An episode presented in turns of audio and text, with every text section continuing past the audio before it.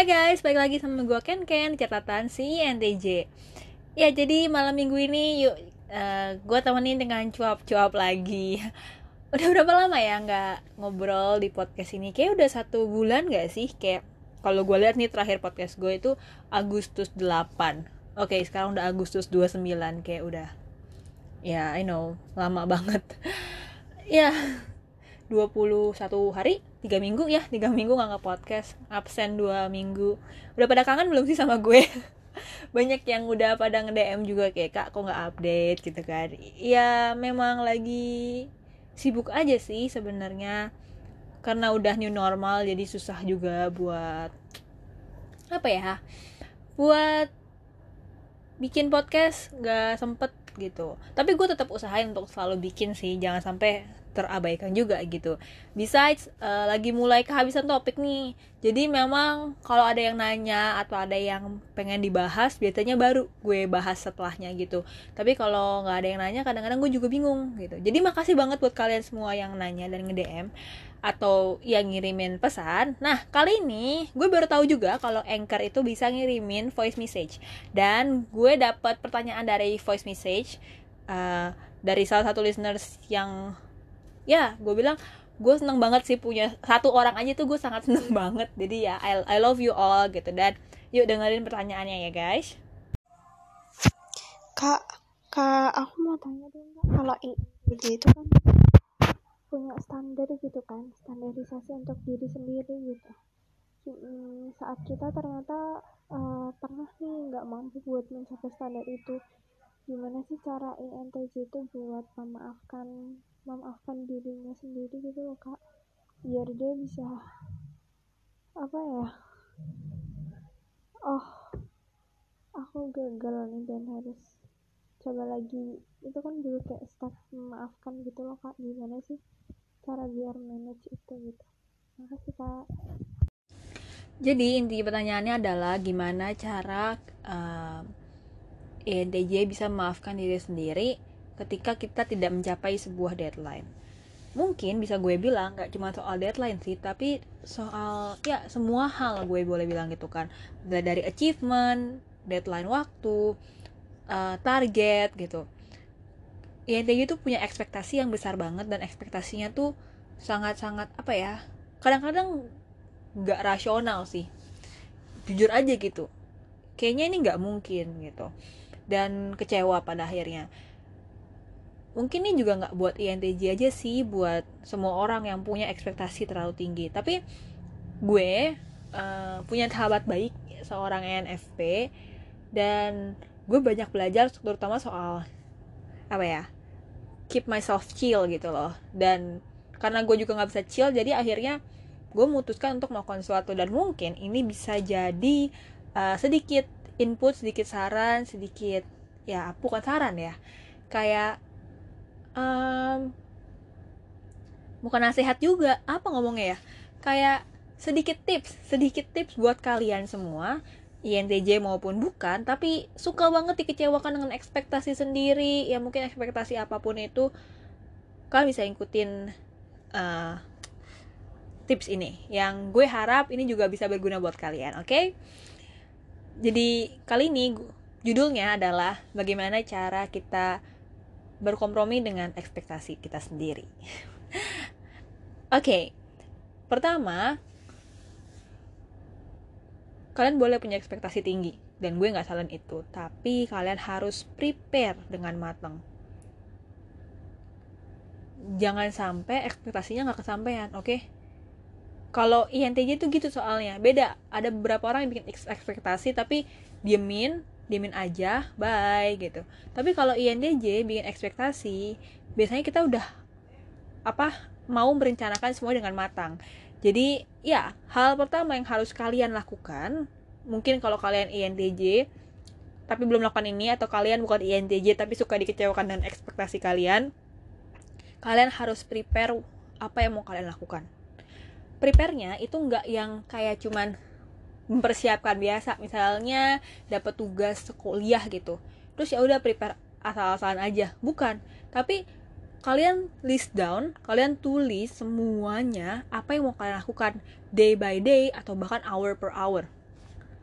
Atau ya gak usah atau mungkin kayak uh, tiga hari pertama gue akan melakukan A B C lalu hari tahap kedua butuh waktu empat hari akan melakukan ini ini ini ini tuh. Bikin checklistnya. Bikin uh, kira-kira sesuai kemampuan kalian tuh kalian akan akan seperti apa sih gitu. Satu hari ini hari Senin hari Senin tuh gue cuma punya waktu 4 jam karena gue kuliah pulangnya sore dan lain-lain gitu. Tulis 4 jam itu kalian bisa ngapain? Gitu loh. Jadi nggak yang kayak aduh prepare apa ya? Nggak gitu. Dari awal udah di prepare. Dan itu bakal jadi bagus banget Oh iya, jangan lupa setiap kali kalian prepare, kalian harus perhitungkan juga first major yang ada. Contoh, tiba-tiba kuliah tapi kuliahnya telat molor satu jam atau macet atau apa. Pikirin juga hal-hal yang mau kalian uh, apa ya jadikan batasan-batasan gitu. Tujuannya apa sih? Tujuannya biar kalau nggak kesampaian nih, misalnya nih hari Senin gue mau ngerjain 40 soal, belajar let's say belajar. Kalian masih SMA terus mau belajar. Ini yang gue lakukan pada saat SMA ya belajar fisika. Terus mau ngerjain satu hari itu 40 soal. Tapi ternyata gue ada ini itu cuma bisa ngerjain 20 soal. Ya basically gue udah harus udah memperhitungkan bahwa oh iya minimal gue ngerjain 20 jangan taruh 40 stres juga ntar tiap hari kerjaannya ya kan? Jadi prepare waktu itu dan perhitungan juga force major setiap harinya akan seperti apa.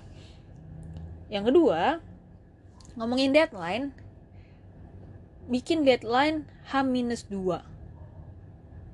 minimal. H-1 deh kalau emang kalian pede. Tapi kalau gue sih biasanya H-2 deadline gue selalu H-2 kalau kerja ini hari Senin maka gue harus sudah kelar hari Sabtu atau hari Jumat jadi Sabtu Minggu gue masih bisa refleksi maksudnya refleksi dalam artian bukan pijit ya refleksi pekerjaannya review gitu meng mengkaji ulang salah atau benar atau mungkin ada yang ketinggalan itu masih bisa dibenerin gitu. Dan lebih tenang lebih aman gak sih daripada kalian yang kerjainnya buru-buru dan akhirnya nggak kelar gitu loh. Jadi ya udah, tahu hamin dua di prepare gitu. Kayaknya ini kebalik deh harusnya bikin hamin dua dulu deadline-nya terus di prepare ya sama aja sih kan bisa pilih dulu mau prepare dulu apa hamin dua dulu. Tapi yang jelas tentuin dulu deadline-nya mau kapan deadline-nya harus kapan tentuin haminus dua lalu prepare semuanya dengan baik dibagi uh, bebannya gitu. Dan udah ngebagi beban yang tadi kemudian yang pasti ini, ini yang harus pasti dilakukan adalah komitmen. Gue percaya INTJ biasanya akan sangat komit dengan hal itu. 10 ya 10 15 ya 15 gitu. 20 20 50 50 itu selalu terjadi. Cuman ya kadang kita juga ada sisi manusiawinya gitu loh guys yang males ah gitu. Capek ah gue sering kayak gitu kok maksudnya. Maksudnya nggak nggak muluk-muluk gitu. Walaupun kalian boleh bilang orang-orang pada bilang INTJ tuh perfeksionis dan lain-lain. Sebenarnya kadang ada juga rasa ya rasa tidak tidak ingin aja gitu. Rasa malas tuh ada. Makanya harus komitmen. Karena kalau kita komitmen gue yakin kita akan bisa nyampe dengan baik dan dengan ekspektasi yang baik juga gitu. Tapi kak gimana kalau misalnya kita tuh kerja kelompok kak? Aduh resek banget teman aku tuh nggak selesai selesai kalau itu terjadi bikin mulai dari hamin dua deadline prepare sampai kontrol ke mereka. Agak sulit sih PR banget sih. Tapi kalau emang mau mencapai kesuksesan ya begitu.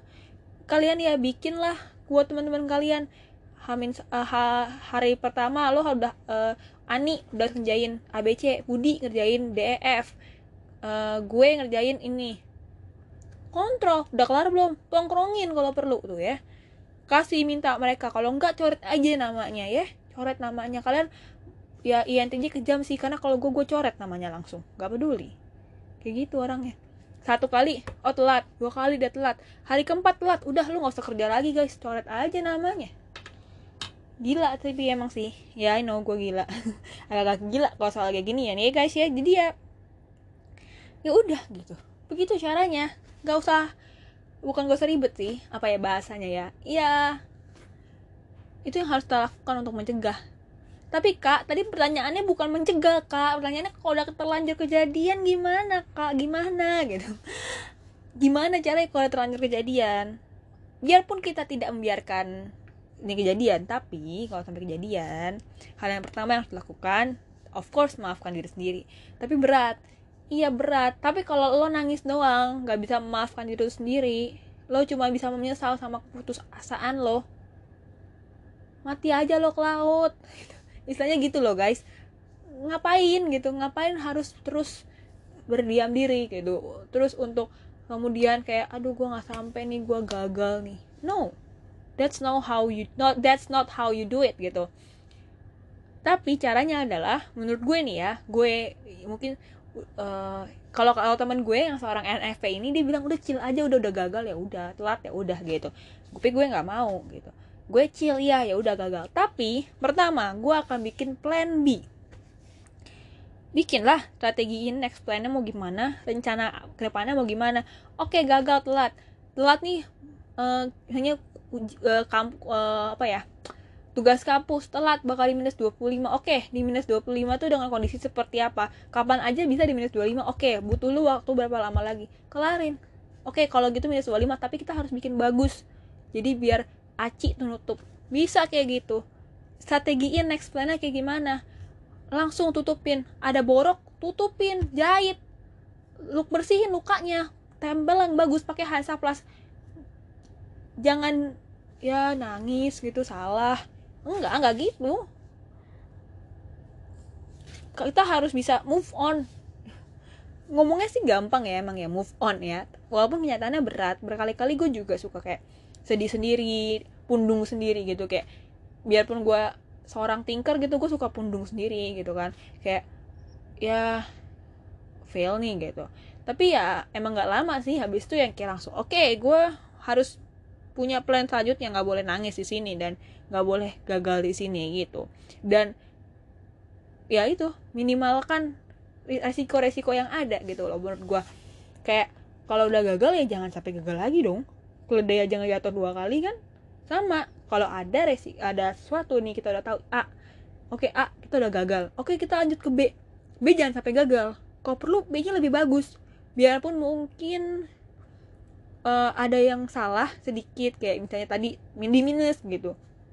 Tapi akan jauh lebih baik kan daripada lo cuman bisa pundung dan nangis gitu. Menurut gue itu sih yang uh, penting gitu. Nah kalau menurut kalian gimana nih cara menghadapi uh, diri sendiri ketika mungkin nggak sesuai deadline atau nggak sesuai ekspektasi dan gimana cara kalian kemudian bisa uh, istilahnya memenuhi ekspektasi yang kalian buat sendiri. Kalian boleh banget share ke gue ke Instagram di catatan si INTJ atau ke Instagram pribadi gue juga boleh. Kalian boleh juga voice message ke sini. Gue baru tahu bahkan ini ada. Oh my god. ya, jadi kita juga bisa gue juga bisa feature kalian juga di sini. Ya yeah, so semoga kalian bisa mendapatkan tips dan trik ini berguna buat kalian. Hah? gue ngomong apa sih? So ya yeah, Indonesia so you could get this useful for you gitu. Ya semoga ini bisa berguna buat kalian intinya. Dan ya gue tunggu pertanyaan-pertanyaan kalian yang lain. Dan terima kasih juga udah mendengarkan uh, podcast gue selama ini I really really grateful for have you guys. Yeah. So see you next time. Bye